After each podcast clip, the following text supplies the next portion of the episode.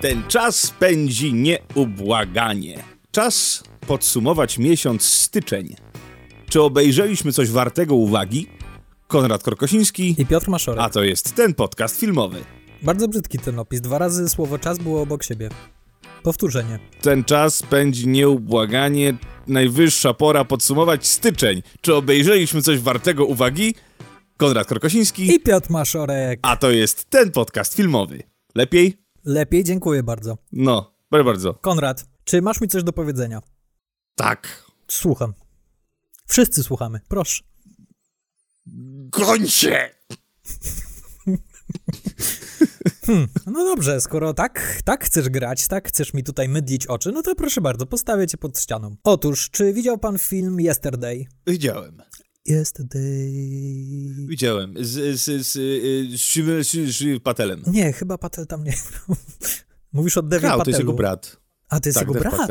A to nawet nie wiedziałem. tak. Nie lubię tego filmu. Nie zaskakuje mnie to, że nie lubisz tego filmu. I zaraz tutaj powiem, dlaczego mnie to nie zaskakuje. Dlaczego cię to nie zaskakuje? Czy w tym filmie grała Anna de Armas? Nie. No właśnie. Ale w zwiastunie tego filmu, który wytwórnia wypuściła, Anna de Armas się pojawia, ponieważ sceny z nią zostały nakręcone, ale zostały usunięte w postprodukcji. I teraz tutaj akcja się zagęszcza, drogi przyjacielu, ponieważ dwóch gości dwa tygodnie temu zaskarżyło wytwórnię o to, że oni obejrzeli film Yesterday, ponieważ myśleli, że zagra tam Anna de Armas.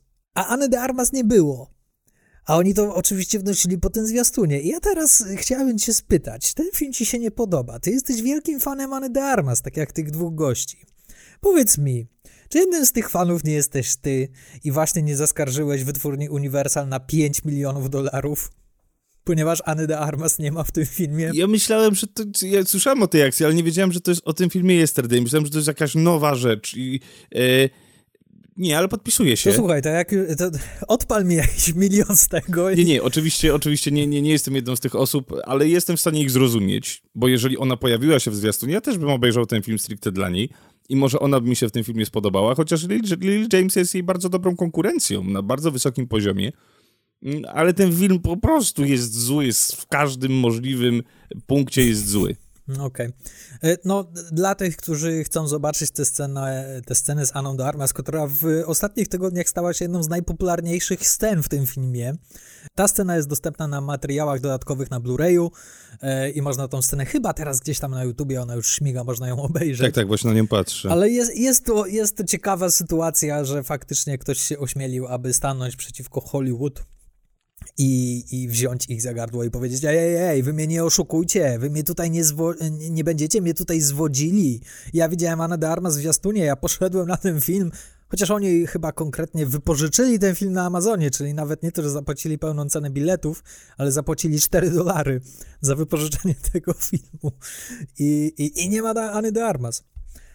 Po prostu jak usłyszałem tego newsa, to od razu pomyślałem o tobie. No powiem wam tylko, że to jest taka scena, w której Anna de Armas tak bardzo ładnie patrzy, że chciałbym to zobaczyć w tym filmie. To słuchaj, to pisz do tych gości. Oni są z Teksasu, jeśli się nie mylę. Nie, przepraszam, Maryland i San Diego. To weź tam się do nich dorzuć. Wiecie, jaka piosenka wypadła? Something. Sam taka przepiękna piosenka Beatlesów i on to śpiewa do Anny Darmas. Kto zna tę piosenkę, wie o czym jest ta piosenka, wie jak istotna była to piosenka w y, y, karierze Beatlesów i jeszcze śpiewając to do Anny de Armas. Ja się zabiję. Dorzucam się. Dobra, słuchajcie, panie Piotrze, to była rzeczywiście bardzo, bardzo długa, głęboka i zażyła dygresja, ale wróćmy do naszego głównego tematu rozmowy, czyli co oglądaliśmy w miesiącu styczniu. Wy zaraz powiecie, no ale hej, hej, chłopaki, hej, hej, chłopaki, hej, chłopaki, chłopaki. Albo mi się wydaje, albo dwa odcinki temu, przed odcinek temu rozmawialiście o grudniu. Tak, tak, ten Gruzin nam się trochę przesunął, za co was przepraszamy. Teraz, żeby podpędzić te wszystkie tematy, które mamy wam do, do zaprezentowania, które już mamy rozpisane na najbliższe dwa miesiące, musi ten odcinek pojawić się dzisiaj. Chcemy jak najszybciej do was przyjść z wiadomościami, co żeśmy w tym miesiącu styczniu oglądali. I ten odcinek chyba się wypremieruje 1 lutego, prawda? Tak, zgadza się. No. Czyli wszystko się zgadza, wszystko jest w terminarzu, także żeby już nie opóźniać. Piotrze, ile masz filmów? Ja mam trzy filmy i jeden serial. Trzy filmy, jeden serial. To nie dużo. O, to fajnie. No wiem, dlatego taką długą dygresję, a nie de Armas zrobiłem na początku. to bardzo fajnie, to dobrze się składa. Ja też nie mam za dużo, ja mam raz, dwa, trzy, cztery. Ja mam cztery y, mocne plus jeden dodatkowy, jakby właśnie była sytuacja, że będzie za mało, to dorzucę. Ale w takim razie może zaczniemy od takiego jednego, krótkiego, o którym już rozmawialiśmy w zeszłym, tygodniu, w zeszłym miesiącu. Chciałem o nim powiedzieć, ale Piotr mi zakazał, powiedział, nie, przecież żeś ty to widział w styczniu. Jak, dlaczego to rzucasz do, do grudnia? Ja mówię, Piotrek, hej, hola hola, uspokój że się, dobra, za miesiąc o tym powiem. No więc y, chciałbym na szybko tutaj wam przypomnieć o takim pięknym filmie jak Licorice Pizza. It's a god awful small affair the girl with the mousy hair I met the girl I'm gonna marry one day But her mommy is yelling no And her daddy has told her to go Listen young lady But her friend is nowhere to be seen So how'd you become such a hotshot actor? I'm a showman. That's what I'm meant to do to the seat with the clearest view. And she's hooked to the silver screen. Do you know who I am? Yeah. Do you know uh, who my girlfriend is? Barbara Streisand? Barbara Streisand. Sand. Sand, yeah, like sands. Like the ocean, like beaches. Barbara Streisand? no, like Streisand. Sand. Licorice Pizza, czyli najnowsze dzieło Paula Thomasa Andersona, o którym możecie posłuchać w naszym odcinku sprzed chyba tam trzech epizodów, czyli topka y, filmów Paula Thomasa Andersona i jest to jego najnowsze dzieło i ustawiliśmy ją w pewnej gradacji, tam mówimy o wszystkich filmach po kolei i o ile dobrze pamiętam, to Licorice Pizza chyba dosyć dobrze tam wylądowało, nawet dosyć wysoko. Mm, to było jakieś chyba czwarte, czwarte miejsce. Chyba tak. Czwarte. Także bardzo, bardzo wysokie miejsce. Yy, chyba w razie czego to was zostawię. Chciałem wam tylko powiedzieć, że tak, ja ten film oglądałem w styczniu.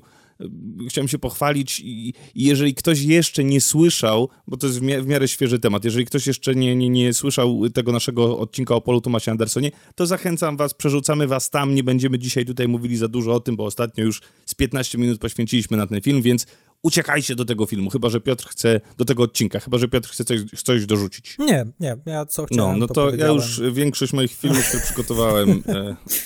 Okej, okay. E, dobrze, to zanim ja przejdę do filmów, to powiem na szybko o serialu, który oglądałem. A mianowicie jest to drugi sezon z serialu dokumentalnego Cheer na Netflixie. And your junior college national champions, the Borough College! Since the show came out. there's just like so much craziness. We don't see each other as celebrity. I'm not gonna worship nobody. So I'm not gonna make nobody feel like they have to worship me. No matter how much I call myself the queen. I'm here to cheer for Monica. Growing up, we moved from house to house. I don't know where I'm sleeping tonight, but I know tomorrow at 6 o'clock I'm going to cheerleading practice. It's definitely the hardest season I've ever had. Ci, którzy słuchali naszego odcinka polecajki Netflixowe, być może pamiętają, że ja pierwszy sezon także polecałem i to było dla mnie bardzo zaskakujący serial. E, o czym opowiada Cheer? Opowiada o drużynie cheerleaderów e, ze Stanów Zjednoczonych, konkretnie z Teksasu, którzy szykują się do Mistrzostw Ameryki, które co roku odbywają się na Florydzie, w miejscowości Daytona i obserwujemy ich zmagania, jak to tam szykują te, nie wiem ile, te, te 3-minutowe układy, czy półtora minutowe układy, jakoś tak. E, bardzo mnie pozytywnie zaskoczył ten serial, ponieważ e, no tak jak pewnie większość osób w Polsce raczej trywializuje cheerleading, i, i dla mnie to są dziewczyny z pomponami, a tymczasem no to ten serial udowodnił mi, że już nie, to już długo, długo nie, teraz to jest dyscyplina sportowa niemalże, to jest lekkoatletyka, to są akrobacje, to jest, to jest wysiłek pod i łzy, aby te układy stworzyć i bardzo to na mnie duże wrażenie zrobiło w pierwszym sezonie. I o ile w Polsce ten pierwszy sezon nie był jakimś spektakularnym sukcesem, nawet chyba wątpię, czy, czy dużo osób ten serial widziało, tak w Stanach Zjednoczonych to był hicior. To był gigantyczny hit, no i stąd właśnie drugi sezon. No ale tam jest rzeczywiście kultura tego cheerleadingu. W Polsce to jest... Wiem, że jest kilka grup, które się tym zajmuje na większą skalę, ale no tam każdy college ma swój, swój zespół, który, który, yy, który się tym zajmuje, więc nic dziwnego, że gdzieś to jest częścią ich kultury. No właśnie i z tym wiąże się cały dylemat drugiego sezonu, ponieważ to jest dosyć ciekawa dyskusja a propos wszystkich y, bardzo popularnych seriali dokumentalnych Netflixa, które zrobiły furorę. Czy to właśnie rozmawialiśmy sobie krótko, to znaczy ty rozmawiałeś o e, drugim sezonie Tiger Kinga, e, też to samo można powiedzieć o, o, o drugim sezonie Making a Murderer, czyli takiego pierwszego hitu dokumentalnego Netflixa. Otóż jest taka zasada dokumentalistów, że dokumentaliści powinni obserwować, ale nie powinni ingerować. No i pojawia się cały ten dylemat moralny. No tak, no ale jeśli kręcisz film dokumentalny, no to wiadomo, że już sama twoja obecność i ta kamera, no to to już jest interwencja, to już wpływasz jakoś na, na to wydarzenie, które masz dokumentować. I w przypadku seriali Netflixa to bardzo, bardzo się wybija, ponieważ te seriale, jak stają się popularne, to ci bohaterowie tych dokumentalnych seriali stają się gwiazdami. Nie tylko w Stanach Zjednoczonych, ale i na całym świecie. I tak samo było w przypadku właśnie Cheer, gdzie pierwszy sezon, który opowiadał o takim o grupie młodych ludzi, o takich underdogów, takich mało znanych, dla których ten cheerleading to była taka możliwość udowodnienia swojej wartości, ponieważ bardzo często oni pochodzą z rozbitych rodzin i z bardzo trudnego backgroundu. Po pierwszym sezonie oni stali się mega gwiazdami. Te, te dzieciaki nagle zaczęły się pojawiać na Oscarach na czerwonym dywanie. Zaczęli być zapraszani do programów telewizyjnych, do tańca z gwiazdami. Ellen DeGeneres ich zaprosiła do swojego talk show. Po prostu stali się mega, mega popularni. W związku z tym ja się tak zastanawiałem, cholercia, co oni zrobią w tym drugim sezonie? No bo już tak do końca nie, nie sprzedadzą mi tego, że o, to są tacy młodzi, szczerzy ludzie. Teraz już będzie takie poczucie, że absolutnie każdy w tym zespole będzie się wdzięczył przed tą kamerą, żeby tylko stać się równie popularny. Oni to bardzo mądrze wykorzystali. I oni to komentują, i oni to wykorzystują. I przez to ta drużyna z Navarro, czyli właśnie bohaterowie pierwszego sezonu, którzy także są w tym drugim sezonie, oni już tak do końca nie są głównymi bohaterami, a nawet śmiem twierdzić, że trochę stali się złoczyńcami, jeśli można to tak czarno na biało podzielić, ponieważ oto oni także wprowadzili ich konkurencję, a mianowicie jakieś 30 kilometrów dalej w miejscowości Trinity Valley jest inny zespół cheerleadingu, który także startuje w tych mistrzostwach Ameryki i którzy zawsze depczą po piętach tej drużynie Navarro. I nagle oni, ponieważ oni są ci mniej popularni i o nich nie widzieliśmy wcześniej tego pierwszego sezonu, nagle oni stają się tymi właśnie underdogami, nagle oni stają się tymi takimi młodymi ludźmi, którzy, którzy nic nie mają i którzy chcą coś udowodnić i my zaczynamy im kibicować. I to stworzyło bardzo fajny konflikt i muszę przyznać, że ostatnie dwa odcinki, ponieważ ten wielki finał, te Mistrzostwa Świata są podzielone na, na dwa ostatnie odcinki sezonu, jest cholernie emocjonujące i ja po prostu byłem w szoku i byłem taki, wow, ja nie wiem komu ja mam kibicować, ale chyba jednak kibicuję tym. To jest bardzo ciekawe. No i poza tym jest to też właśnie fajny komentarz na temat tego, jak ta popularność Netflixowa potrafi zmienić ludzi i nawet zniszczyć ludzi w niektórych momentach. No dobrze, no to w takim razie teraz pora na mnie, a ja wam opowiem o pewnym filmie, który zadebiutował na platformie Netflix już chyba w styczniu tak mi się wydaje, czy tam końcu, chyba, chyba w styczniu była premiera, jeszcze się upewnię, żeby wam tutaj, tak, 5 stycznia na platformie Netflix jest to najnowszy film niejakiego Macieja Kawulskiego. Kim jesteś? Nikoś, opak z miasta. Pan Nikodem? Nikoś.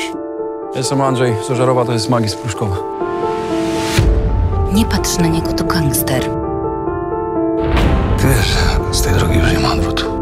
Żyjesz w innym świecie. Masz inną rodzinę. Ja będę królem tego miasta.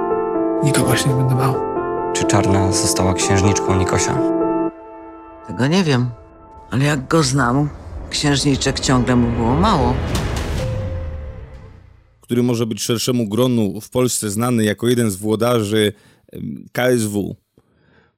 I taki ten oto właśnie Maciej Kawulski któregoś dnia sobie powiedział, a zacznę robić filmy. I taki ten oto Maciek Kawulski zaczął robić filmy, rzeczywiście, i to z, nie, z niemałym powodzeniem. E, dlatego, że jego debiut Underdog, no to można jeszcze mieć jakieś wątpliwości. Ale drugi film, który e, również jest do zobaczenia na Netflixie, czyli Jak zostałem gangsterem, to jest całkiem dobre kino. I jak na amatora jest to bardzo dobrze zrealizowany obraz, praca kamery, e, kolor korekcja. Nie wiem, czy ty widziałeś te filmy. Nie, nie widziałem, a bardzo chcę zobaczyć, ponieważ tam gra Tomasz Wołosok, dobrze kojarzę? Włosok. Włosok, którego bardzo lubię Tak. i, i, i, i bardzo jestem ciekaw, co on, jak dalej się rozwinie Tak. jego kariera. E, I, e, I jak zostałem gangsterem, to jest, to jest ten wcześniejszy film. e, Tam Włosok też gra, ale trochę mniejszą rolę. No ale właśnie najnowszy film, czyli Jak pokochałam gangstera. To jest najnowszy film, w którym właśnie Tomek Włosok gra głównego bohatera. Tutaj to jest historia Nikodema Nikosia Skotarczaka, czyli jednego z, z największych takich person, jeżeli chodzi o, o polską mafię, czyli tam przełom lat 80., 90. em, Rzecz się dzieje na, na wybrzeżu, w Gdańsku. No i teraz jest tylko pytanie towarzyszące, już abstrahując od, od, od filmu, tylko o, o opowiadaniu historii. Teraz mamy głośną sprawę, tutaj nagłośnioną przez Krzysztofa Stanowskiego z kanału sportowego, który y, zarzucił i słusznie, a ja akurat jestem po stronie Stanowskiego, Najmanowi, który też y, swoją galę VIP mm, promuje najnowszą tym, że zaprosił jako swojego bossa swojej gali y, jednego z bossa gangów, gangu pruszkowskiego, czyli Słowika. Y, No i, no i teraz jest wielka afera, że ten Słowik, y, abstrahując od Słowika, że ten Najman szuka miejsca, żeby ta gala się odbyła. Y, Dzisiaj czy wczoraj była cała wielka afera w Wieluniu, Stanowski się tam spotkał z Najmanem. No i oczywiście no, no, Najman bałwanem jest i tutaj no, nie, nie ma co oszukiwać. Jest, bałwan to jest chyba nawet zbyt delikatne określenie, że w ogóle dochodzi do takich sytuacji. Także absolutnie Tim Stanowski i, i wracając do filmu o Skotarczaku. Ja wiem, że tu opowiadamy historię. Ona jest, ona jest zmieniana, niezmieniana, ale gdzieś tam mimo wszystko jest to forma próby wybielania takich postaci, które nie wiem, czy powinny być wybielane. Czy to jest dobry film? To nie jest dobry film z kilku powodów. Ten poprzedni jest du dużo lepszy. Jest tu jest chyba jest próba przeskoczenia rekina. Przede wszystkim ten film trwa 3 godziny. I w tym filmie się kompletnie nic nie dzieje. Ten film można by sklecić w 30 minut i coś by mogło z niego być. Jest tak rozwleczony, jest takimi flakami z olejem. Cały czas jest o jednym. Jest to nieciekawe, mimo że jest nieźle grany. Naprawdę jest tam parę ról, które są, są ciekawe, są dobrze poprowadzone, są dobrze zrealizowane. To ten film po 30 minutach już nie ma nic do zaproponowania. Obok tego filmu też są pewne kontrowersje, bo rodzina zmarłego Skotarczaka no, no ma pewne obiekcje co do tego, jak ten film został przedstawiony, jak ten film został pokazany. Ja chcę wam tylko powiedzieć, że jeżeli jesteście ciekawi, jak ten film wygląda, to ja bym na waszym miejscu zatrzymał się przy poprzedniej produkcji Kawulskiego, czyli przy e, Jak zostałem gangsterem, bo to jest dużo ciekawszy obraz, dużo lepiej z, zekranizowany i tamtych tematów było na tyle wystarczająco, że one wystarczyły na tak długi film. Ale muszę przyznać, że jestem bardzo ciekawy, co Kawulski zaproponuje w następnych produkcjach, bo ma, jeżeli jest takim kompletnym amatorem, to ma niebywałą intuicję i te filmy są naprawdę estetycznie dopieszczone do, do, do, do granic możliwości. Także szacun przy takim twardym sporcie, jakim jest KSW, że, że jeszcze gdzieś tam to oko... O, tematyka, no wiadomo, że ta tematyka gdzieś tam się zbliża, tak jak pierwszy film Underdog, który jest bezpośrednio związany, tam nawet chyba Mamet Kalidow gra, który też w KSW występuje, więc, y, więc tu rozumiem, y, rozumiem y, powiązania. A te następne filmy widzę gdzieś tutaj bardzo silny zachwyt tą, tą historią polskiej mafii i, i jakąś taką historią polskiej gangsterki.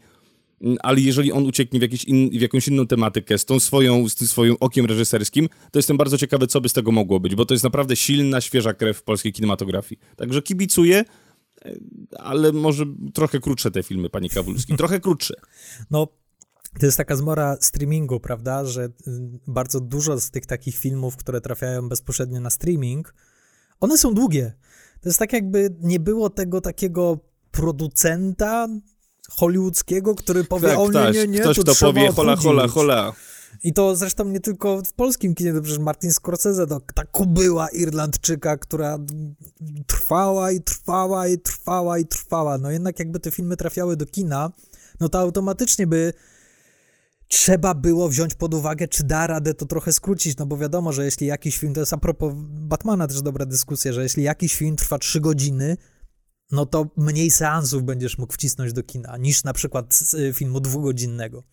A poza tym to tylko i wyłącznie, znaczy, e, poza tym to też działa na psychikę. No. Jeżeli widzisz, że film trwa trzy godziny, no to jest zupełnie inne planowanie. Mhm. Ludzie czasem wyskakują do kina na półtora godziny film, dlatego że mo mogą na, na przykład na tyle opchnąć dziecko, babci czy dziadkowi. A wyskoczenie na trzy godziny to jest zaplanowanie sobie tak naprawdę dla niektórych 4-5 godzin z życia, żeby wyjść na tak długi film. No tak, na, na streamingu to działa zupełnie inaczej, ponieważ możemy sobie spauzować, Oczywiście możemy sobie podzielić. Pauza siku kupa, wiadomo. Możemy obejrzeć pierwszą część teraz, drugą część jutro albo nigdy.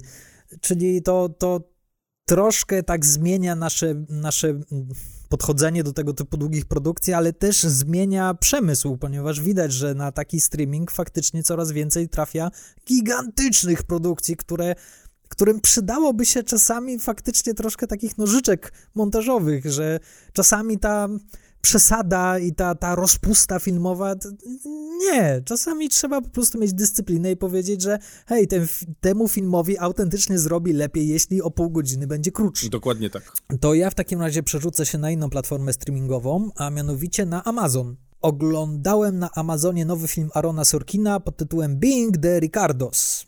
To chyba nie ma jeszcze polskiego tytułu, chociaż napisy, polskie napisy do tego filmu przetłumaczyły mi to jako Lucy i Desi. Why is this coming out now? Lucille Ball's a threat to the American way of life? Does the FBI have any case against Lucy? I need you to help me save my marriage. How many times I gotta explain where I was and what I was doing? You gotta explain. Are you being funny right now? I'm Lucille Ball. When I'm being funny, you'll know it. This is getting out of hand. Have you been cheating on me? The story's made up. If they boo me, If they boo you, we're done. Hmm.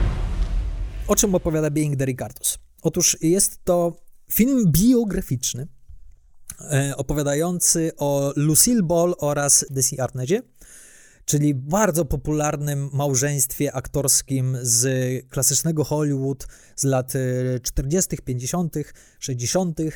I oni zasłynęli bardzo popularnym swego czasu w Stanach Zjednoczonych sitcomem I Love Lucy. To był taki pierwszy gigantyczny hicior, no może nie pierwszy, ale jeden z pierwszych gigantycznych hitów telewizyjnych, jeśli chodzi o seriale komediowe.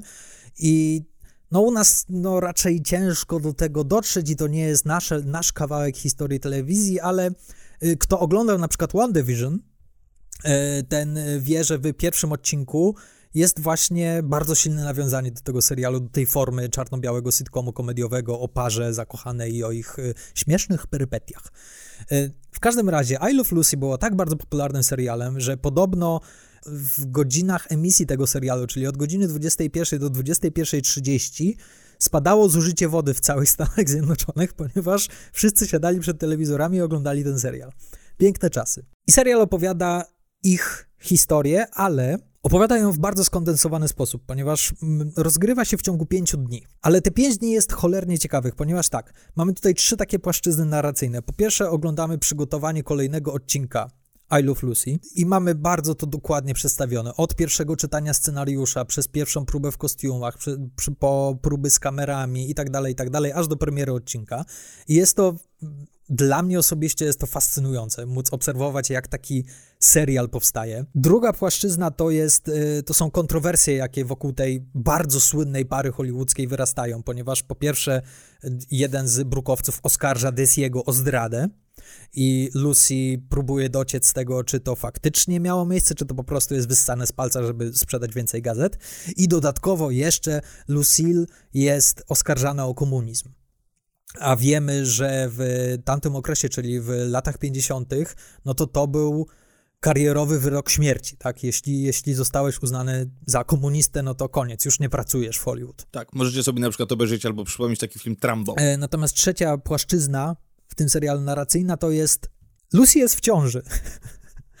I lata 50., czyli jeszcze wtedy, to były ostatnie lata kodeksu Hayesa. A kodeks Hayesa mówił, co w filmach i w telewizji może być pokazywane, a co nie może być pokazywane. Jedną z rzeczy, których nie wolno pokazywać, ani w ogóle insynuować, to to, że bohaterowie uprawiali seks. Lucy i Desi którzy rządzą tym serialem, oni chcą wpleść tą ciążę w treść serialu, żeby po prostu bohaterka tego sitcomu była w ciąży i tyle, żebyśmy pokazali, że ona jest w ciąży i później ona nawet urodzi.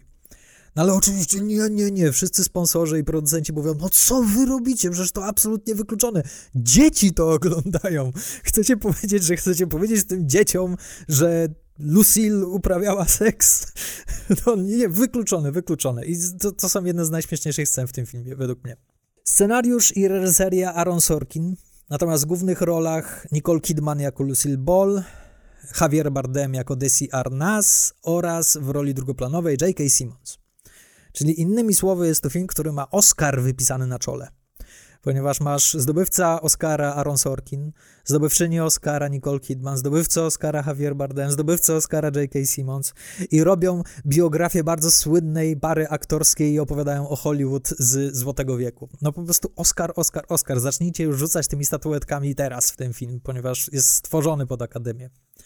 E, jak podchodzisz do Arona Sorkina, powiedz mi, bo chyba nigdy o nim nie rozmawialiśmy. Nigdy nie rozmawialiśmy, jak go bardzo doceniam. Jego pióro bardzo doceniam. To jest facet, który jest bardzo trafny w tym, co robi. Jeden z nielicznych scenarzystów, którzy są gwiazdami Hollywoodu ze względu na swoją Przez robotę. Scenariusz. Tak. tak. Tak. I to nie, jego scenariusze nigdy nie są, nawet jeśli weźmie się za nie jakiś bardzo znany reżyser, na przykład David Fincher, to i tak i tak czujesz, że to jest scenariusz Arona Sorkina i zawsze mm. po tym filmie nie powie, e, powiesz, że wow, to jest film na podstawie scenariusza Sorkina, który został zrobiony przez Finchera. On, to, co wyróżnia moim zdaniem Sorkina, to to, że jego scenariusze są niebywale matematyczne, nie wiem jak to nazwać, one są ciężko tam znaleźć jakiś taki błąd logiczny, co się bardzo często zdarza u innych twórców. On jest bardzo, możesz mi pomóc ze słowem, mm, Aha, bardzo... Skrupulatny, taki bardzo pół... Skrupulatny na pewno, ale chodzi mi o taką, o taką czystość, czystość formy w, ty, w tych jego dialogach. Czujesz od razu taką, taką elegancję tak. w, tym, w, w, w dialogach Sorkina. Tak, on opowiadał taką anegdotę, że kiedyś jak był nastolatkiem, rodzice zabrali go do teatru na Kto się boi Virginia Woolf, Mhm. I on nie do końca jeszcze rozumiał, o co chodziło w tej sztuce, ale wielkie wrażenie zrobiło na nim brzmienie tych słów, że te słowa, ten tekst, to brzmiało jak muzyka dla niego. I on taki właśnie styl scenopisarstwa uprawia, że te, te dialogi cięta riposta, zaciętą ripostą, zaciętą ripostą i w jego scenariuszach sceny akcji to są sceny dialogowe. Bardzo podoba mi się ten chwyt, który on zastosował, że właśnie robi film biograficzny, ale on nie, nie opowiada o całym życiu. Nie opowiada o początkach kariery i, i o wzlotach i upadkach, aż, bo, aż po, wiesz, tragiczną śmierć czy coś takiego. On bardzo kondensuje to, on się skupia na jednym wydarzeniu. To jest drugi raz, kiedy, w sumie nawet trzeci raz, kiedy coś takiego zrobił, ponieważ można się kłócić, czy Social Network jest filmem biograficznym, czy nie. No ale już Steve Jobs, Jobs, przepraszam, w reżyserii Daniego Boyla. Ten scenariusz to jest jeden z moich ulubionych filmów biograficznych, tak a propos. Oczywiście to ma swoje minusy taki zabieg, ponieważ przy takiej formie te trzy godziny powiedzmy, to nagle robią się najbardziej dramatyczne godziny w życiu Steve'a Jobsa, kiedy po prostu wszyscy do niego przychodzą i wszyscy piorą swoje brudy. I podobnie jest tutaj, że w ciągu tych pięciu dni po prostu wszystko się wydarza. Wszystko, wszystko. Całe życie im się wali w ciągu tych pięciu dni. Ale ja szczerze mówiąc nie zwracam na to aż tak bardzo uwagi, ponieważ tak naprawdę każdy film biograficzny to robi. Bardzo dużo się mówi przy tym filmie o rolach aktorskich. No nie ma się co dziwić, ponieważ y, można się spodziewać nominacji dla Nicole Kidman. Myślę, że można się spodziewać nominacji dla e, Javiera Bardema i szczerze mówiąc, on bardziej mi się podobał w tym filmie od Nicole Kidman. I to są bardzo dobre role. Przyznaję że to są solidnie zagrane role, zwłaszcza Bardem, który miał trudne zadanie, ponieważ i musiał śpiewać, i musiał tańczyć, i musiał grać na gitarze, no i musiał stworzyć bardzo barwną postać, która dotrzymuje kroku tej silnej kobiecie, jaką była Lucille Ball. Nicole Kidman zagrała bardzo dobrą rolę. Niektórzy tutaj się kłócili, że no dobra, ale ona nie powinna grać Lucy, ponieważ ona nie jest aktorką komediową. I faktycznie Nicole Kidman nie jest najlepsza w komedii, e, zwłaszcza w komedii fizycznej, w której Lucille brylowała. Ale to nie jest film o postaci Lucy, tak? To jest film o tej aktorce i według mnie w tej roli sprawdza się znakomicie. Tylko, że jest jeden, jedna koszmarna rzecz w Nicole Kidman, a mianowicie charakteryzacja. Jeja, ojeja, ojeja, ojeja. Dlaczego oni to robią? Dlaczego ona, ona wygląda jak efekt specjalny w tym filmie. Ona się aż świeci. Przecież ja wiem, że to jest Nicole Kidman i ja wiem, że Nicole Kidman nie za bardzo przypomina Lucille Ball, nie musicie jej upodabniać. Serio. Przefarbujcie ją na rudo i starczy. I ja już będę oglądał ten film i ja sobie wyobrażę, że to jest Lucille Ball. Nie musicie mi jej upodabniać fizycznie. Ja rozumiem, że są takie role jak na przykład Winston Churchill, gdzie ta fizyka jest bardzo ważna. No ale w przypadku Lucille Ball serio, nie musicie tej tony makijażu jej nakładać na twarz, ponieważ to mnie rozpraszało. No, to, to, zależy, to zależy. Wydaje mi się, że czasem wystarczy rzeczywiście jakiś akcent typu rude włosy i to w zupełności wystarczy, bo na coś się umawiamy i wszyscy wiemy o co chodzi i nie musimy za wszelką cenę zawsze z, walczyć o Oscara za charakteryzację, mm, bo czasem to się przeradza w charakteryzację za efekty specjalne, mhm. więc... Y, ale dobry przykład podałeś, właśnie The Darkest Tower, czy, typ, czyli Mm, Boże, przypomnij mi teraz nazwisko aktora, bo już mi wypadło. Gary Oldman. Gary Oldman. No Gary Oldman nie zagrałby tego tak, jak to zagrał, gdyby nie miał tej tony charakteryzacji, gdyby, gdyby nie miał kostiumu fat, fatsuta mhm. i, i, z, z, głowy zrobionej na Winstona Churchilla, więc nie mogę ci jednoznacznie odpowiedzieć. Czasem to pomaga, czasem to przeszkadza. W każdym razie uh, Being the Ricardos ja szczerze mówiąc bardzo dobrze się bawiłem na tym filmie i bardzo przyjemnie mi się to oglądało, ponieważ no znowu Aaron Sorkin, czyli to jest świetnie napisane, to aż spływa z tego ekranu te dialogi. Aktorzy są bardzo wdzięczni pomimo koszmarnej charakteryzacji Nicole Kidman. E, no i przede wszystkim zaglądamy za kulisy klasycznego Hollywoodu i możemy podejrzeć, jak te seriale powstawały. I dla mnie najlepszymi scenami tego filmu to są te sceny, w których główna bohaterka ona walczy o jakość z tego serialu, ponieważ wszyscy dookoła niej mówią, ej, dobra, mamy hicior, możemy zrobić, co nam się podoba i tak i tak ludzie to łykną. A ona mówi, nie, nie, nie, nie, nie. Jeśli zrobimy głupią postać, jeśli zaczniemy robić nielogiczne rzeczy w tym serialu i nie będziemy się przykładali do, do naszej roboty, no to wtedy szybko stracimy widzów. I bardzo mi się podobało to, jak ona walczyła o tą postać i o ten serial i zrobiło to na mnie duże wrażenie. Czy jest to troszkę taka laurka? A no, no jest, no bo no wiadomo, wszyscy kochają Lucy. E, ale bardzo przyjemna la laurka i bardzo przyjemnie mi się to oglądało.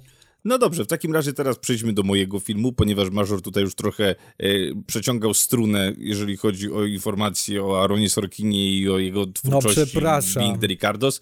E, także słuchajcie, może będzie inny film, kiedyś trzeba będzie zrobić topkę Sorkinową. O, ale idziemy dalej, słuchajcie. 14 stycznia 2022 roku doszło do premiery pewnego filmu, na który bardzo wiele osób czekało. Jest to jeden film, którego nikt się nie spodziewał, a wszyscy go potrzebowali i chcieli. I jest to, słuchajcie, najnowszy krzyk. Hello? It's happening. Three attacks so far. Do you have a gun? I'm Sydney Prescott. Of course I have a gun. Something about this one just feels different. Samantha? I'm. I know who you are. I've been through this a lot. This is your life now, which means that whoever this is is going to keep coming for you. You ready for this? Never. Krzyk, słuchajcie, kto nie widział krzyku z 1996 roku, który był takim pierwszym, świeżym powiewem nowej krwi w gatunku slashera, oczywiście w reżyserii Wesa Cravena. Powiew nowej krwi. Tak.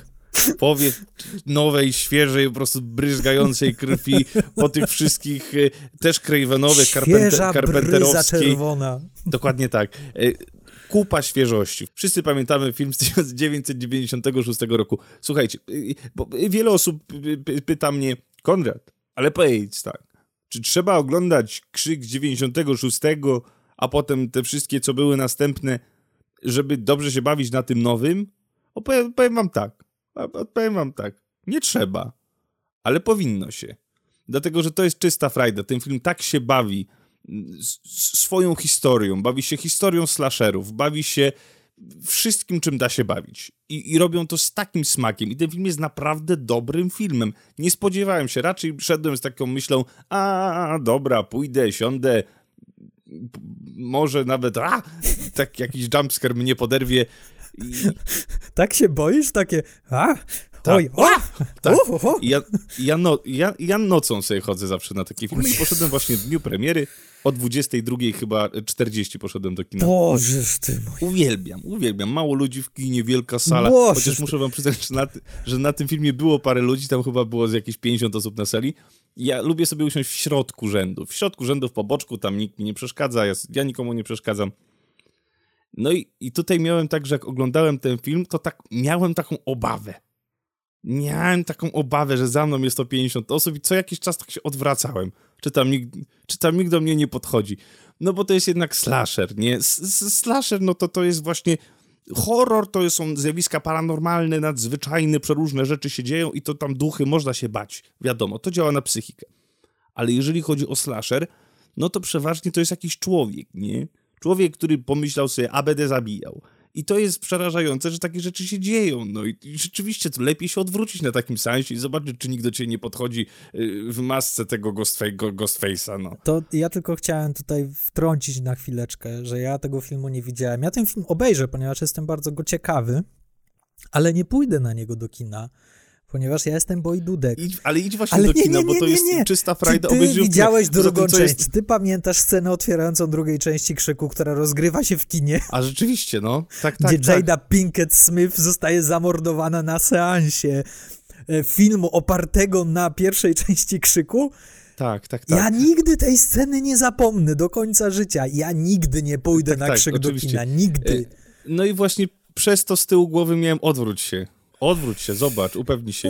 E, no ale e, słuchajcie, oczywiście to, to jak bazuje ten, ten film ze swojej historii i jak bardzo meta tutaj jest, e, jest, jest uskuteczniona, no i oczywiście jest dużo frajdy. No, oczywiście pierwsza scena tego filmu, to jest żywcem wyjęta scena z 96 roku. To jest wszystko i lepiej zrobiona. Jak w Matrixie. Wolę, a tak, tylko że tutaj y, mamy ostre porównanie, bo tam nie wiem, czy pamiętasz, co otwierało pierwszą część Krzyku z 96, to była Drew Barrymore. Tak, tak, tak. I Popcorn. Tak, tutaj mamy fantastyczną aktorkę. Ana de Armas? Drew Barrymore tutaj się posiłkuje z tak zwaną Jeną Ortegą.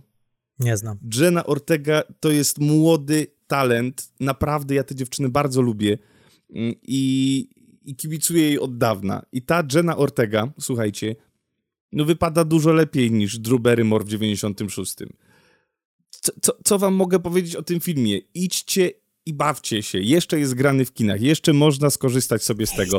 Ale jeszcze jedna rzecz, którą chciałem wam powiedzieć to jest, y, no to są Avengersi w świecie krzyku. Oh, wow. Kto może to wraca, żeby walczyć z Ghostface'em oh, I to jest cudowne. Oh, wow. Ale y, mając świadomość, znając historię tego gatunku, znając historię tej serii konkretnej, idziesz i fajne jest to, że siadając na tej widowni w kinie, czy tam siadając sobie na, na fotelu przed telewizorem w domu, kto już tam już y, podejmie sobie te decyzje we własnym sumieniu i tam czytam we własnym, o, o własnej obawie o swoje życie, walcząc ze strachem, to fajne jest, że znając tę historię, ja cały czas jestem zaskoczony tym, co się dzieje na ekranie. Ten film jest ciężki do przewidzenia, przez to, że, że ta, ta formuła jest tak zaskakująca i też tak za bardzo czasem nielogiczna, bo ona nie musi być logiczna. Na tym to polega, że że tak jak te jumpscary, które nagle cię zaskakują, których w tym filmie jest milion, po prostu milion sytuacji, krew się leje strumieniami i jest, są takie wymyślne pomysły na tego Ghostface'a, Ghostface'a który morduje w, w, miliony sposobów. I to jest, co jest fajne, co, co jest ważne, to jest apetyczne, to jest smaczne. i, i i bardzo fajnie to, to cała historia się zamyka. I jak mówiłem, jak w Avengersach, wszyscy, którzy mogą, to wracają i i to też jest taki fajny y, cukierek dla to widza. Uprzedziłeś, uprzedziłeś moje pytanie, jak bardzo krwawy jest, jest ten nowy krzyk. Jest niebywale krwawy. krwawy. Okej, okay. czyli w sumie dobrze, ponieważ po to się chodzi na te slashery tak naprawdę, żeby trochę ten taki mroczną część naszej osobowości zaspokoić, że chcemy zobaczyć, jak ktoś jest dźgany kilkadziesiąt razy w twarz, albo nie wiem, jakieś bardziej... Domyślam się, że chyba są bardziej wymyślne śmierci w tym filmie, niż tylko dźganie nożem. Wiesz co, no, noża jest dużo. Oh, Muszę od razu powiedzieć, że tutaj e, ba bazują jednak bardzo na tym, że że to jest oparte na nożu, okay, ten Ghostface. Okej, okay, okay. Jeżeli ktoś lubi gatunek, jakim jest slasher, jeżeli ktoś lubi serię Krzyk, to po wielu latach rozczarowania, czyli tej części trzeciej, czwartej, piąta część, czyli Krzyk, po prostu Krzyk, jest dobrym powrotem do korzeni i nie rozczarujecie się. Krzyk wprowadził do kina slasherowego właśnie ten meta-komentarz jeszcze zanim to było modne, ponieważ już w tej pierwszej części było bardzo dużo nawiązań do formy slashera i oni śmiali się z samych siebie i ta Drew Barrymore, którą tak nieszczęśnie zrugałeś. E, ona została obsadzona po to, aby, aby zagrać widzom na nosie, ponieważ ona była największą gwiazdą tego filmu w 96 roku. Oczywiście, że tak. E, a tymczasem, no tutaj to chyba nie będzie żaden spoiler, ona ginie e, w pierwszej scenie i nagle widzowie nie wiedzą, co się dzieje, czyli oni tutaj zagrali widzom na nosie i zagrali z oczekiwaniami widzów i ten film wprowadził ten właśnie ten metakomentarz, czyli ja jestem trochę zaskoczony, że tak długo czekali z, z kolejną częścią krzyku, zwłaszcza w dzisiejszych czasach, gdzie te metakomentarze są bardzo popularne. Dlatego bardzo chętnie zobaczę. Bardzo chętnie i też czekam teraz na kolejną część strasznego filmu na podstawie tego, tego nowego krzyku, no bo wiadomo, te, te, te filmy chodzą parami. E, I, I fajnie, fajnie, ale na pewno nie pójdę do kina. Nie, nie, nie, nie, nie ma szans. Nie ma szans. Nie zaciągniecie mnie na krzyk. Okej, okay. widziałem córkę, czyli film The Lost Daughter, debiut reżyserski Maggie Gyllenhaal. What were your daughters like when they were little?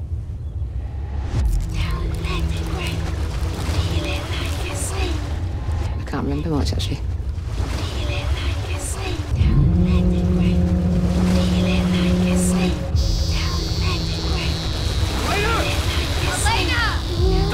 Lost her doll. She wouldn't stop crying.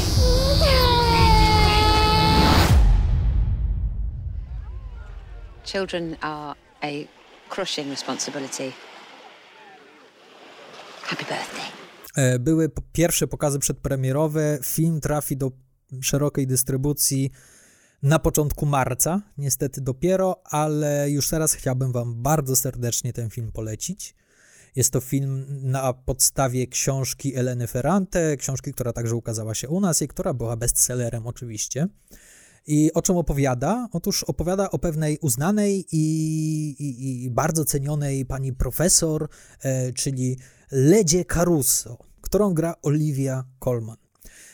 I ta pani profesor jedzie sobie na wakacje do Grecji, jest pięknie, jest słońce, wygrzewa sobie kości, jest cudownie, no ale w tym takim mm, hotelu, w którym ona jest, z prywatną plażą i tak dalej, pojawia się także bardzo duża rodzina amerykańska, dużo dzieci, dużo kobiet. Y, troszkę panowie są z takiego szemranego środowiska, tak troszkę tam insynuują, że oni trochę mogą się zajmować jakimś tam, jakąś gangsterką czy coś takiego. No widać, że to nie są tacy, tacy y, grzeczni, biali, y, bogaci ludzie, że raczej to jest troszkę takie, wiesz, troszkę niżej klasa niż ta pani właśnie profesor, która, która widać, że ma taką klasę. E, no i pani profesor, obserwując tę rodzinę, a konkretnie jedną kobietę w tej rodzinie, Ninę, oraz jej malutką córeczkę, to wyzwala w niej wspomnienia jej własnego macierzyństwa i tego, jak ona wychowywała swoje dwie córki. I jest jakaś tajemnica w tej jej przeszłości, nie do końca wiemy, co tam jest, ale coś jest, jest coś niepokojącego. No i tak naprawdę to tyle. Powiem tak, bardzo ten film mi się podobał. Przede wszystkim podobał mi się z dwóch powodów. Po pierwsze, Maggie Gyllenhaal, która, dla której to jest debiut reżyserski. E, ja nie jestem jej fanem jako aktorki, ale jako reżyserka wydaje mi się, że jest bardzo obiecująca, ponieważ w tym filmie udało jej się coś bardzo trudnego, a mianowicie w tym filmie jest mnóstwo napięcia. I takiego napięcia w najprostszych scenach.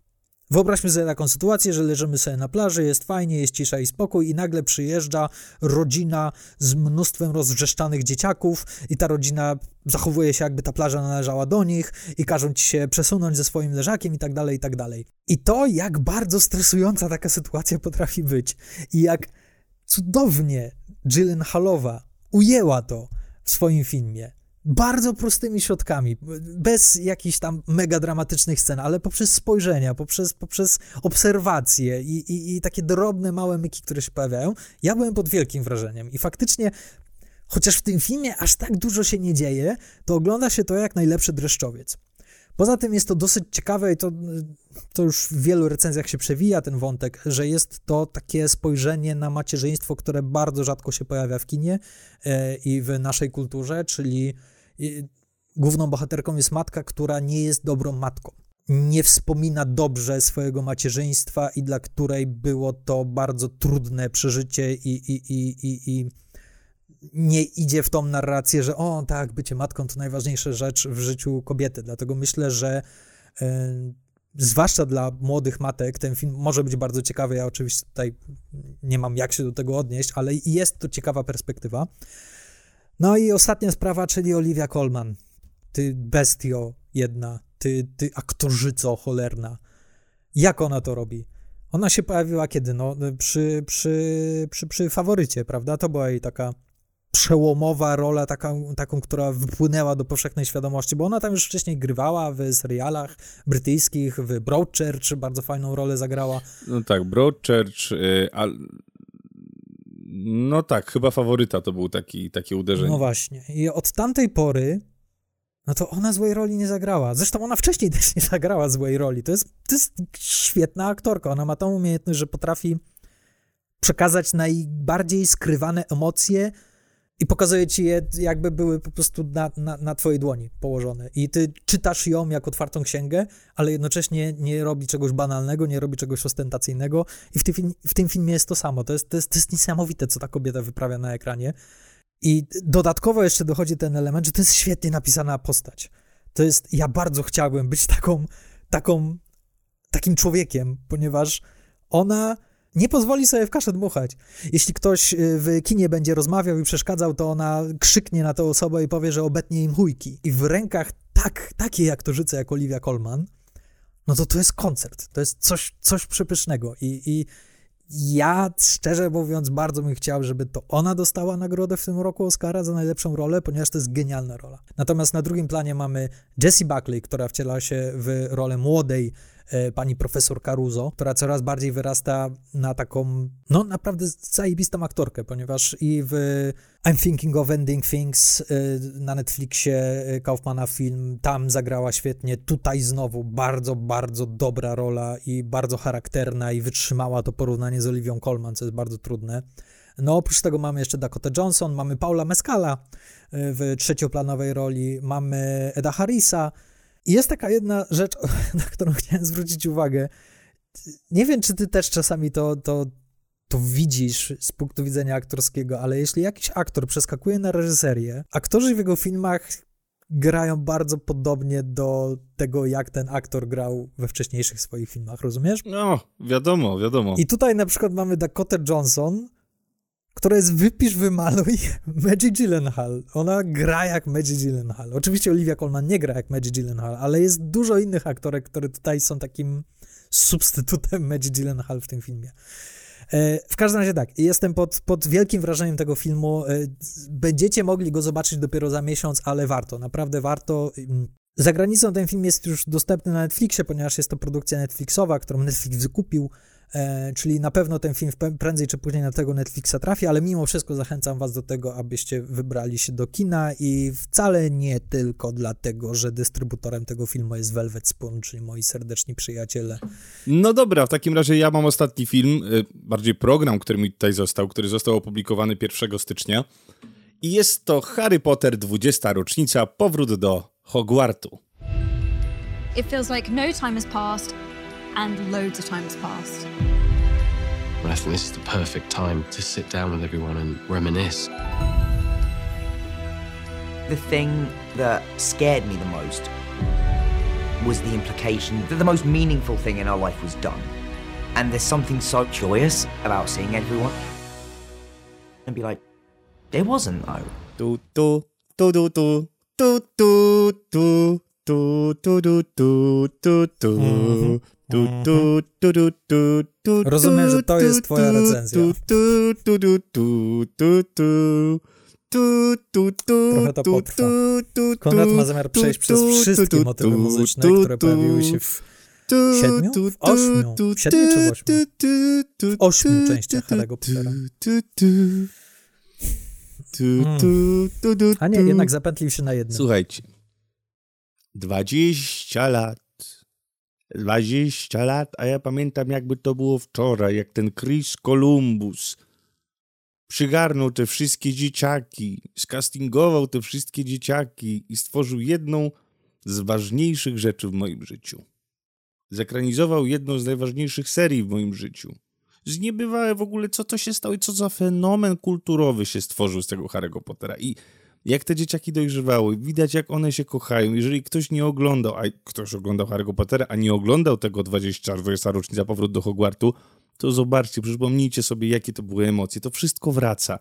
Jeszcze jak zobaczycie te kuluary, jak oni się świetnie bawili, jakie to było przedszkole, jak ten Chris Columbus musiał walczyć, bo oczywiście reżyserzy się zmieniali, tam były głośne nazwiska, bo przecież tam mi się pojawiał Alfonso Cuarón, yy, był David Yates, David Yates już do końca, był Mike Newell, i, i, i ci reżyserzy się zmieniali, więc, więc te sposoby pracy z tymi dzieciakami się zmieniały, ale ten Chris Columbus właśnie, ten człowiek, który jest odpowiedzialny za kabinę, kabinę Kevina samego w domu, to on zapoczątkował tę te, te, te, te, te, te, te, taką, wiecie, historię i ten, ten dobry nastrój tego filmu, bo to on nauczy te dzieciaki tego, że, że tak, owszem, to jest praca i to jest bardzo ważna praca, ale to też musi być zabawa, więc praca poprzez zabawę i to jest bardzo fajnie z, z ekranizowane. Nie wiem, czy ty widziałeś ten widziałem, dokument. Widziałem, No, dokument. No powiedz, no tam są, są, są, jest trochę zaplecza dokumentalnego i to jest fajne, że możemy wejść sobie trochę na ten plan zdjęciowy i pooglądać, co tam się działo. Byłem zaskoczony dwiema rzeczami. Po pierwsze, nie spodziewałem się, że Alfonso Cuarón pojawi się w tym dokumencie, ponieważ nie sądziłem, że będzie chciał do tego wracać. Super, super, że wrócił i super, że porozmawiał chwilę o tym. Jestem zaskoczony, że J.K. Rowling się pojawiła jej wypowiedzi, bo jak wiemy jest sporo kontrowersji teraz dookoła autorki e, i, i zresztą była równie wielka kontrowersja, jak się okazało, że jej nie zaprosili na plan tego reunion. Ale J.K. Rowling się nie pojawia, ona się pojawia, to są nagrania archiwalne, to jest tylko, to nie jest nagrane pod tak, ten serial, ale, ale, ale w sensie mimo wszystko program. myślałem, że całkowicie ją zignorują i w ogóle nie będą, będą tylko o niej Mhm. mówili, że tak ona to napisała, ale nie dadzą jej żadnego głosu w tym, w tym, w tym programie, a tymczasem, proszę, pojawiła się i co prawda nie są to wypowiedzi nagrane do tego programu, ale mimo wszystko ona się pojawia na tym ekranie w tym, czyli okej, dobra, ja to, ja to bardzo szanuję.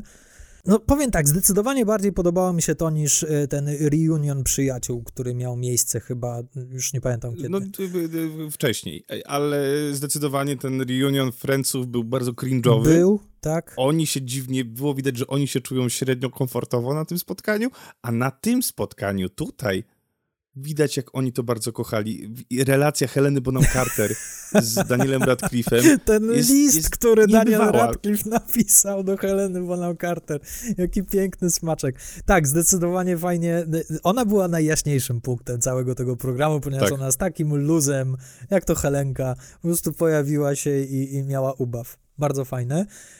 Znaczy, y, ona i jeszcze e, Robbie Coltrane. Tak. To były dwie, dwie takie persony, na które się tak przyjemnie patrzyło i widać. Zresztą Robbie Coltrane chyba y, powiedział najbardziej wzruszającą rzecz podczas całego tego reunionu. Która podbiła internet. Tak, tak. Czyli, że Mnie nie będzie, ale Hagrid będzie. jest coś wyjątkowego w tej wypowiedzi. Tak. To jest prawda, bo, bo rzeczywiście wiele, wielu osób już nie ma. Tam jest, jest poświęcony cały dział na, na Mm. tribut dla, dla twórców, których, których już z nami nie ma.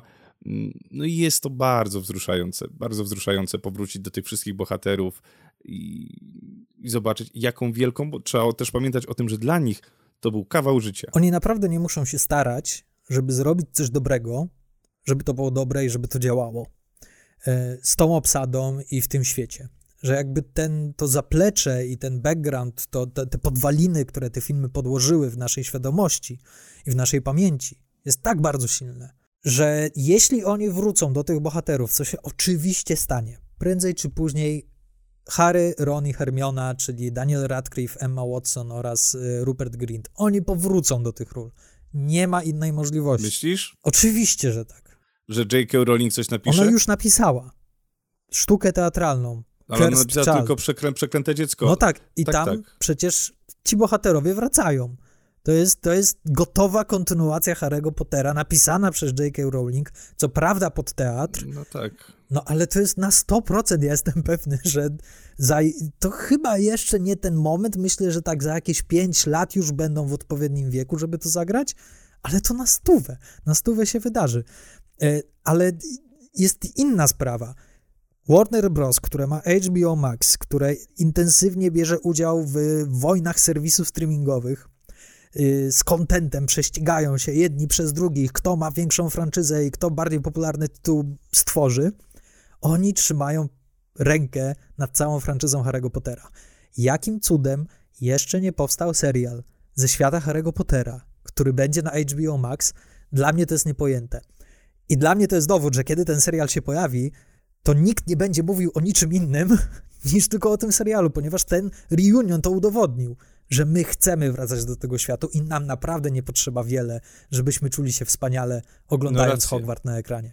Słuchajcie, jeżeli chodzi o mnie, to, to ja już skończyłem wszystkie moje propozycje. Piotrze, czy ty też? Nie, mam jeszcze jedną, ale jestem zaskoczony. Myślałem, że widziałeś Common Common. Nie, nie widziałem Common Common. Oj, a widzisz, ale tak nie wrzucałem tego na swoją listę, bo myślałem, że jednak to obejrzałeś i myślałem, że ty będziesz o tym mówił. Nie, nie, nie, nie, nie miałem jak. Rozmawialiśmy o tym tydzień temu i niestety godziny grania w Common Common w kinie są idiotyczne. Grają to raz przez cały dzień o godzinie 16 nie miałem ani jednego dnia, żeby, żeby móc się wybrać przez ten ostatni tydzień, więc no, okay, żałuję bardzo. Okay. To visit planet Earth, you will have to be born as a human child. At first, you will have to learn to use your new body, to move your arms and legs. You will learn to walk and run. Over the years, you will try to make sense of that happy, sad, full, always shifting life you are in. And when the time comes to return to your star, it may be hard to say goodbye to that strangely beautiful world. Damn this book. You're crying. No, I'm not. Yes, you are. Ja widziałem Common Common. Jest to film z Joaquinem Phoenixem. I on tam gra rolę takiego dziennikarza, reportera, który nagrywa chyba podcast albo jakiś taki reportaż, e, w którym zadaje dzieciom trudne pytania. On ma siostrę, która jest z rozbitego małżeństwa i ona ma syna. I w pewnym momencie ta siostra musi jechać do swojego męża, do innego miasta, ponieważ on tam ma jakieś problemy psychiczne i musi się nim troszkę zaopiekować. No i pyta się Łakina, czy, czy mógłby się zaopiekować jej synem. No i Joaquin mówi, jasne, pewnie. No i obserwujemy, jak to właśnie Joaquin Phoenix z tym bardzo, bardzo uroczym dzieciakiem łazi przez e, półtorej godziny e, i sobie z nim rozmawia i wchodzi z nim w i tak naprawdę oni, oni uczą się siebie nawzajem i uczą się, jak ze sobą rozmawiać i jak sobie ze sobą radzić. Okład na duszę. To jest, to jest film, który jest tak przyjemny, jest tak ciepły, jest tak pozytywny. Ja na początku miałem taki problem z nim, że E, przez pierwsze 15-20 minut ja miałem takie a trochę idą na łatwiznę, ponieważ to tak jak był kiedyś ten program Co dzieci wiedzą, czy tam Co dzieci powiedzą, kiedy zadawało się trudne pytania dzieciakom i te dzieciaki e, odpowiadały w jakiś taki zabawny sposób. I wiadomo, no to, to jest łatwa rzecz, żeby kupić widza, tak? Że, że wystarczy posadzić dzieciaka, zadać mu takie pytanie i już od razu widz będzie się świetnie bawił. I trochę w tym filmie na początku to było. Miałem takie, no dobra, fajnie, fajnie, ale troszkę za mało treści w tym tak naprawdę. Ale im dłużej ten film trwał, tym bardziej się przekonywałem do niego i pod koniec byłem już w nim zakochany, autentycznie zakochany. E, I przede wszystkim byłem zakochany w tej relacji pomiędzy Joaquinem Phoenixem a tym dzieciakiem nazywa się Woody Norman. I, I, wow, wow, wow, naprawdę. C, c, jaki fantastyczny duet. Jeden z najlepszych duetów aktorskich, jaki widziałem od bardzo dawna na ekranie. Na pewno w tym roku najlepszy.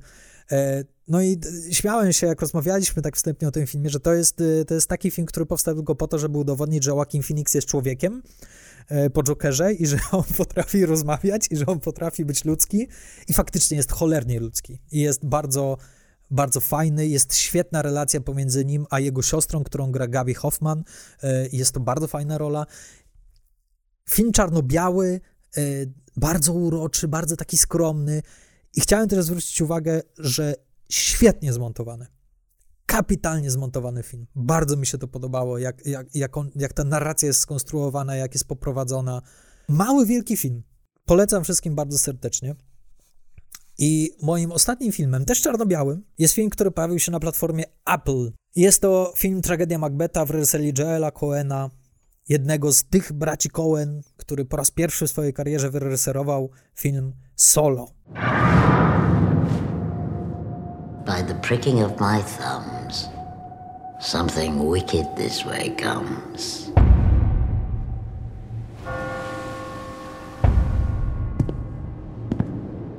My husband, king that shall be.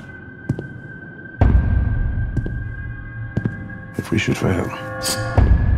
We fail.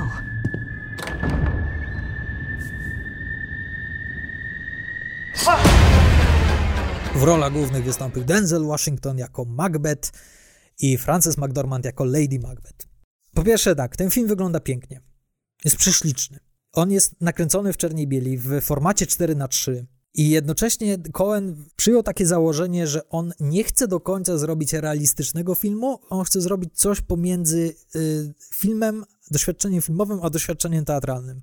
W związku z tym ten film wygląda troszkę jak taki film noir, jak połączenie E, przepraszam za e, porównanie, nie, nic innego nie przychodzi mi teraz do głowy. Sin City z gabinetem doktora Caligari. Czyli te scenografie w tym filmie są bardzo takie geometryczne, proste, jest bardzo duży kontrast, jest dużo światło cienia, e, wszystko jest takie bardzo ostre i kątowe. Świetnie to wygląda, tak jak już powiedziałem. Widziałem też making of i jak się okazało, jest ponad 400 ujęć z wykorzystaniem efektów komputerowych w tym filmie i muszę wam powiedzieć, że to są najlepsze efekty specjalne, jakie widziałem od dosyć dawna, e, ponieważ w ogóle byłem w szoku, jak się dowiedziałem, że wow, oni to kręcili, tyle scen nakręcili na green screenie, oni to wszystko później w komputerze przerabiali, naprawdę to wygląda obłędnie i w idealnym świecie ten film dostałby Oscara za efekty specjalne, ale, ale wiemy, że tak się nie stanie. Tylko, że jest taki jeden minusik szkopułek. Przez tą formę to się robi bardzo teatralne. A ja nie wiem, czy ja chcę oglądać ekranizację Szekspira, która jest teatralna. Jak chciałbym teatralnego Szekspira, to bym poszedł do teatru, a niekoniecznie oglądał film. Przez to też jest jakiś taki dystans, który ja mam przy tym filmie, że on, ja go oglądam, ja go podziwiam, on jest pięknie zagrany, on jest pięknie nakręcony, ale jest cholernie zimny. I ja w ogóle mnie nie zaangażował emocjonalnie, a Macbeth to wiadomo, no to jest sztuka, w której krew się leje i, i, i tam dźgają i zabijają i mordują i, i powinno to łapać za, trze łapać za trzewia i, i, i wstrząsać, a tymczasem nie, no oglądasz i tak masz, mm, okay, ładnie, ładnie, ładnie, ładnie zrobione. No i oczywiście ta dwójka aktorów, kurcze blade, no genialni aktorzy, potęgi aktorskie. I zagrali to jak potęgi aktorskie. Ale cholera jasna, ja nie jestem w stanie połączyć Macbeta z Denzelem Washingtonem. Wiesz, jak gra Denzel Washington. Tak gra Macbeta. nie masz tutaj niczego więcej. Jest taki na luzie, ma taki Wuu. Jest jedna świetna scena, w której on walczy pod koniec filmu. I to jest czat. Ale nie dlatego, że to jest o, ale świetna scena z Macbeta. Nie, to jest scena, w której Denzel Washington walczy mieczem. I to jest Denzel Washington i on jest zajebistym. I dlatego ona jest super. I to samo tyczy się Frances McDormand. Wyobraź sobie, jak Frances McDormand y, zagrałaby Lady Macbeth. No widzę, widzę. Widzę. O, skubiąc pomarańcze gdzieś noga na nogę, czy tam na, opartą na, na biurku. To jest to. Czy ty kojarzysz takie filmiki na YouTubie, one się pojawiają co roku a propos sezonu nagród, y, Round Tables? Mhm, kojarzę, tak, tak, tak. Stamtąd dowiedzieliśmy się właśnie o słynnym y, określeniu filmów jednego tak, buta. od Guillermo del Toro. I oni co roku sadzają w sezonie nagród takie najgłośniejsze nazwiska, które mają największe szanse na nominacje e, przy jednym stole i sobie z nimi gadają. I tak gadają sobie z aktorami, gadają sobie z reżyserami, ze scenarzystami i tak dalej, tak dalej. Bardzo fajne rzeczy. Trwają około godziny. Polecam, warto obejrzeć, bo fajne rzeczy można się dowiedzieć. I wczoraj oglądałem aktorski roundtable, przy którym siedzieli m.in. Andrew Garfield, Nicolas Cage, Peter Dinklage i tam zadali im na początku takie jedno pytanie. Jakbyście otwierali szkołę aktorską i macie pierwszy dzień zajęć ze swoją nową grupą, co byście im powiedzieli?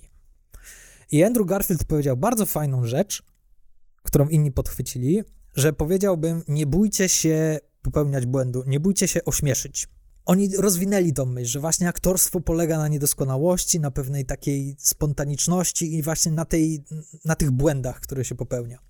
Ostatnio powtórzyłem sobie Tick Tick Boom. To, co robi Garfield w tym filmie, jest tak żywe i tak spontaniczne, że ja nie jestem w stanie powiedzieć, co się wydarzy za chwilę, jak on to za chwilę zagra coś. I to samo widziałem w Olivii Colman w Córce.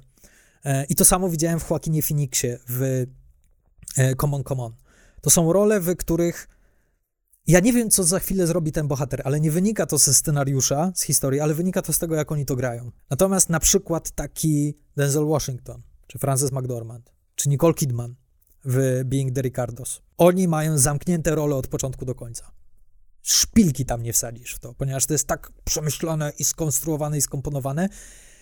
I chociaż jest to bardzo dobre, to oglądając tę rolę, ty wiesz, jak oni to zagrają. Nie ma w tym nic zaskakującego, nie ma w tym nic spontanicznego. E, to jest świetna robota, genialny warsztat, ale jednocześnie jest to sztywne. No tak, no ale to właśnie chyba ta świeżość jest, jest takim elementem, wiesz, tak naprawdę czym jest świeżość? Świeżość na, na, na, każde czasy jest inna, tak jak na przykład w, pięć, tam w którym to było roku? E, w, w, latach 50., początki lat 50., jak James Dean zaczął improwizować swoje sceny, no to też wszyscy mieli, Jezu, co tu się w ogóle dzieje? A to jest podwalina tak naprawdę aktorstwa, które przez następne dziesięciolecia były dla nas normalnym aktorskim, które teraz nazywamy aktorstwem klasycznym. A y, wtedy to dziwiło. A dzisiaj co się dzieje? No dzisiaj mam właśnie takie aktor, takich aktorów, których ty wymieniłeś, typu właśnie Florence Pugh chociażby, która jak na nią patrzysz na ekranie, jak na przykład zestawimy w tych małych kobietkach z taką Emma Watson, no to widzimy gdzieś taką brytyjską, mimo że bardzo młodą, ale bardzo klasycznie grającą aktorkę, którą jest Emma Watson, do też brytyjskiej aktorki, którą jest Florence Pugh, która jest absolutną petardą, która jest draską. Jak ją potrzesz, to ona nagle wybucha i nie, nie masz zielonego pojęcia, co się dzieje. Już e, to, co grają jej oczy, to, co gra jej ciało, to, co gra jej charyzma na ekranie już jest ciężkie do utrzymania w jakichś rysach i, i gdzieś się muszę tu z tobą zgodzić, że, że właśnie to są najciekawsze e, dla mnie najciekawsze role. Takie niestandardowe. Może one nie podlegają pod, pod y, wyróżnienie aktorskie na Oscary, bo aktor, y, y, Oscary wyróżniają jeszcze, jeszcze trochę inne rzeczy, ale właśnie to, o czym mówisz, czyli czyli ta, ta, nie wiem, czy to jest system nowatorski, czy to jest nawet może czasem tylko intuicja, bez jakiegoś wielkiego warsztatu, ale a, tak potrafię, tak zaproponuję. Mhm. I to jest bardzo ciekawe. I tutaj też chcę docenić twórców, którzy i castingerów, którzy mówią, a weź go, to jest naprawdę super sprawa. Tak jak na przykład ostatni film Paula Thomasa Andersona. Mhm. Dwójka mhm. debiutantów. Fantastyczni. Tak, i, i, i, mają dokładnie tą samą rzecz, że nie, nie, nie wiesz, co za chwilę się wydarzy w ich roli, nie wiesz, jak oni to zagrają. Ale to nie jest tylko domena młodych aktorów, ponieważ właśnie Olivia Colman też jest taką aktorką. Ona w córce ma scenę, gdzie gdzie po prostu idzie i, i, i szama kebaba. Mhm. I masz takie kurde, wow. I zaraz po tej scenie wchodzi na karaoke i pijana śpiewa Johna Bon Joviego, tak? I jest jakby, nie boi się takich rzeczy, nie boi się takich rzeczy pokazywać i widzisz, że to nie jest skrupulatnie zaplanowane, że ja teraz odkryję kawałek człowieczeństwa swojej bohaterki i zjem kebaba. Nie, po prostu wpadli na pomysł na planie, ej, a będziesz tutaj szła zamiast zrobić nudną scenę, że idziesz, jesteś zamyślona, opierdalaj kebaba za przeproszeniem. I i to jest, to jest żywe i to jest fantastyczne i bardzo mnie to urzekło i, i, przy tych filmach, które widziałem w zeszłym miesiącu, jakoś bardzo mi się rzucił w oczy ten kontrast pomiędzy właśnie tą sztywnością y, wszystkich z Macbeta, y, czy niektórych z, z Being the Ricardos, a właśnie tą spontanicznością, czy to Joaquina Phoenixa, czy to właśnie Olivia Colman i tak dalej. No dobrze, słuchajcie, to tyle na dzisiaj krótki odcinek wyszedł zgodnie z obietnicą, także... Przestań, przestań. Musisz, zacznij, zacznij mówić, długi odcinek dzisiaj będzie, to może zaczniemy robić Masz rację. A teraz kącik Batmana. Dobrze, to ja chcę ci coś powiedzieć. Tak, chcę ci coś powiedzieć, żebyś wiedział.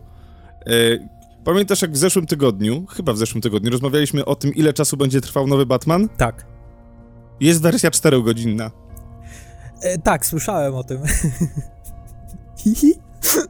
to ci chciałem Ale powiedzieć. Nie, to jest, to akurat mnie bardzo pokrzepiło moje serce, ponieważ e, to była wersja pokazywana na pokazach próbnych. Tak prawda? E, dla naszych słuchaczy, ci, którzy nie wiedzą, co to są pokazy próbne, to jest norma w przemyśle hollywoodzkim, że zawsze są takie pokazy próbne z publicznością organizowane i zostajesz zaproszony na taki tajemniczy pokaz, nie wiesz, co na tym pokazie będziesz oglądał, musisz podpisać klauzulę, że nie będziesz jakby udostępniał informacji na temat filmu, który obejrzysz.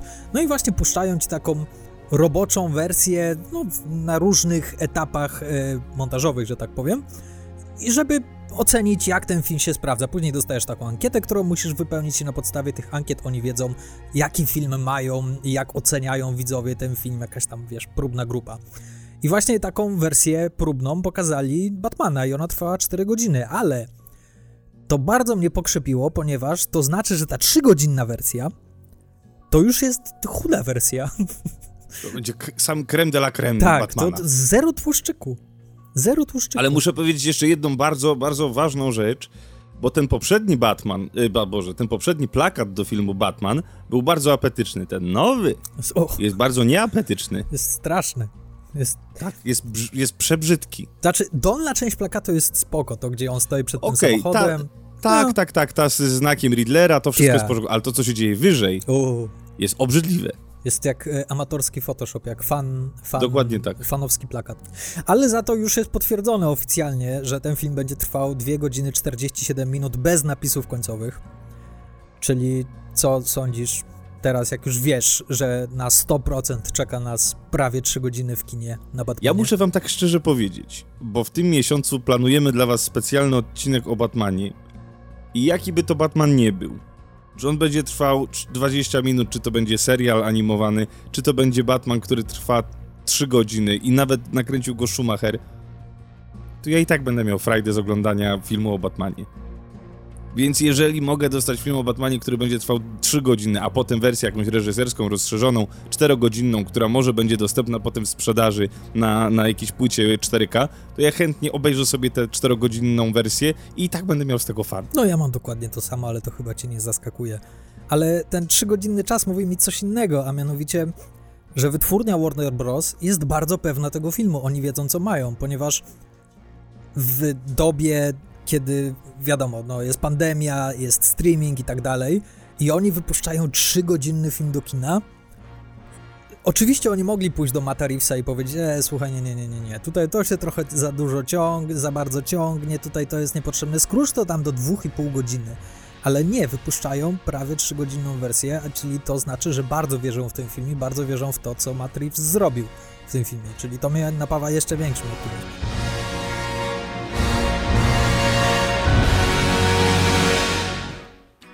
Masz rację. Słuchajcie, to żeby już nie przedłużać, y, dzisiaj zostawimy was z dobrym słowem na, na cały następny tydzień. Trzymajcie się, oglądajcie, bo jest co? Powolutku zbliża się sezon nagród, więc, znaczy już się zaczął sezon nagród, więc, więc oglądajcie, żebyście byli na bieżąco. W przyszłym tygodniu zaprosimy was na topkę filmową. Jakby filmów było mało, o których ostatnio rozmawiamy, to przedstawimy wam w przyszłym tygodniu kolejne 10 pozycji, które warto nadrobić, ale wrócimy, trochę cofniemy się w czasie i przeniesiemy się do roku 2013. Także do usłyszenia w przyszłym tygodniu. Trzymajcie się. Trzymajcie się, cześć.